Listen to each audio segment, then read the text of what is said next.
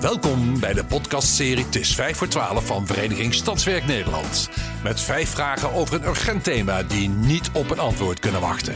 Vandaag vijf vragen over... Teruglopende aanbestedingen Voor... Philip van Nieuwenhuizen, voorzitter-directeur van MKB Infra. Vraag 1.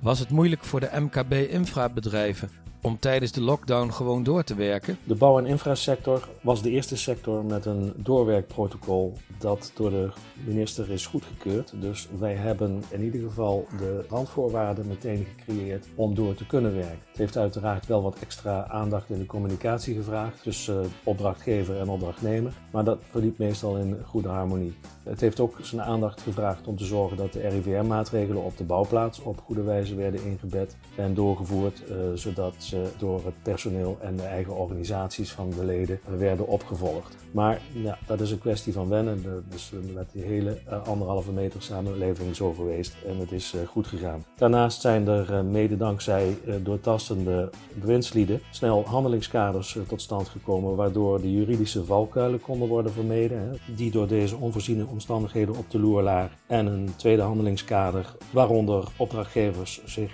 verbonden om snel te betalen, zodat bedrijven minder snel in liquiditeitsproblemen zouden komen. Vraag 2. Onderhoudswerkzaamheden zijn naar voren gehaald. Dus de sector heeft toch niets te klagen? Nou, dat valt toch nog wel een beetje tegen. De ervaring is dat men in het algemeen zijn best heeft gedaan om het werk dat in de pijplijn zat er ook uit te laten komen. Maar versnellen is eerder uitzondering. Zo er al sprake van is, dan moeten we dat effect nog krijgen. Want het voorbereiden en naar de markt brengen van werk duurt in de regel veel langer dan de drie maanden die de lockdown heeft geduurd. Helemaal wanneer het wat grotere klussen betreft.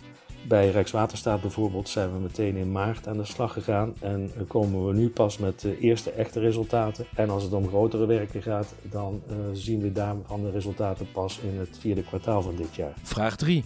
Een mens lijdt het meest van het lijden dat hij vreest. Gaat de hand weer op de knip uit angst voor een economische crisis? Onze indruk is dat de budgetten voor infrastructuur al voor de pasproblematiek onder druk stonden. Met name door de tegenvallende kosten van de WMO. Dat wordt niet beter nu er allerlei steunmaatregelen extra uit de gemeentekassen moeten worden betaald. Daar komt nog bij, denk ik, dat uh, in ieder geval tijdelijk de inkomsten omlaag zijn gegaan door onder andere afnemende toeristenbelasting en uh, parkeerheffingen. Dus we verwachten echt wel een uh, behoorlijke bezuiniging bij de gemeente en daardoor natuurlijk een terugval in de budgetten voor de infrastructuur. Daar zien we inmiddels al tekenen van, want veel bedrijven geven ons aan dat het aantal aanvragen dat ze krijgen om offertes in te dienen behoorlijk aan het uh, teruglopen is. Uh, het aantal aanbestedingen dat je op Tendernet ziet verschijnen loopt ook terug. En ook het EIB, het Economisch Instituut voor de Bouw, heeft becijferd dat we eind dit jaar en het hele volgende jaar in ieder geval nog met een enorme dip komen te zitten in de aanleg en onderhoud van infrastructuur. Vraag 4.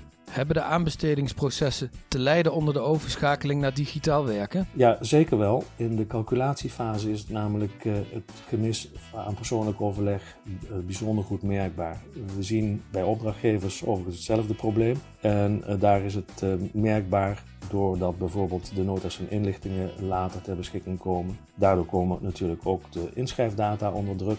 En zijn aannemers vaak genoodzaakt om bij de opdrachtgever om uitstel te vragen voor de in, van de inschrijving, omdat ze te weinig tijd hebben om die inlichtingennota te verwerken in hun inschrijving. Vraag 5.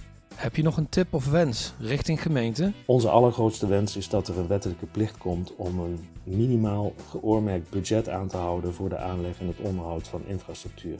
Met name ondergrondse infrastructuur is natuurlijk niet erg sexy en delft vaak het onderspit als er prioriteiten moeten worden gesteld bij de vaststelling van een gemeentebegroting. Maar een zonder goed functionerend riool of waterleiding is de volksgezondheid in het geding. Zonder stroom of gas hebben we geen warm huis of warm water, warm eten. En het hoeft helemaal geen betoog uh, dat we compleet verloren zouden zijn geweest in deze tijd als we geen digitaal dataverkeer hadden kunnen uitvoeren. En dat gaat toch allemaal via kabels onder de grond. We hebben de indruk dat dat nogal eens vergeten wordt. En dat, uh, dat doet pijn, te meer daar dit uh, de boterham vormt van de lokale MKB infrastructuurbedrijven. Die niet alleen bijdragen aan de lokale werkgelegenheid, maar ook aan het lokale sociale en maatschappelijke leven. Voor de wat kortere termijn wil ik de gemeenten oproepen om te zorgen dat de bouw- en inframotor van de economie kan blijven draaien. Het liefst zo constant mogelijk, want hapering in die motor leidt mogelijk tot gedwongen uitstroom van vaklieden uit de branche. Dat hebben we al meegemaakt bij de vorige crisis. En die vaklieden hebben we keihard nodig, gelet op de bouwopgave, de klimaatbestendige inrichting, de verduurzaming, circulariteit. Allemaal uh,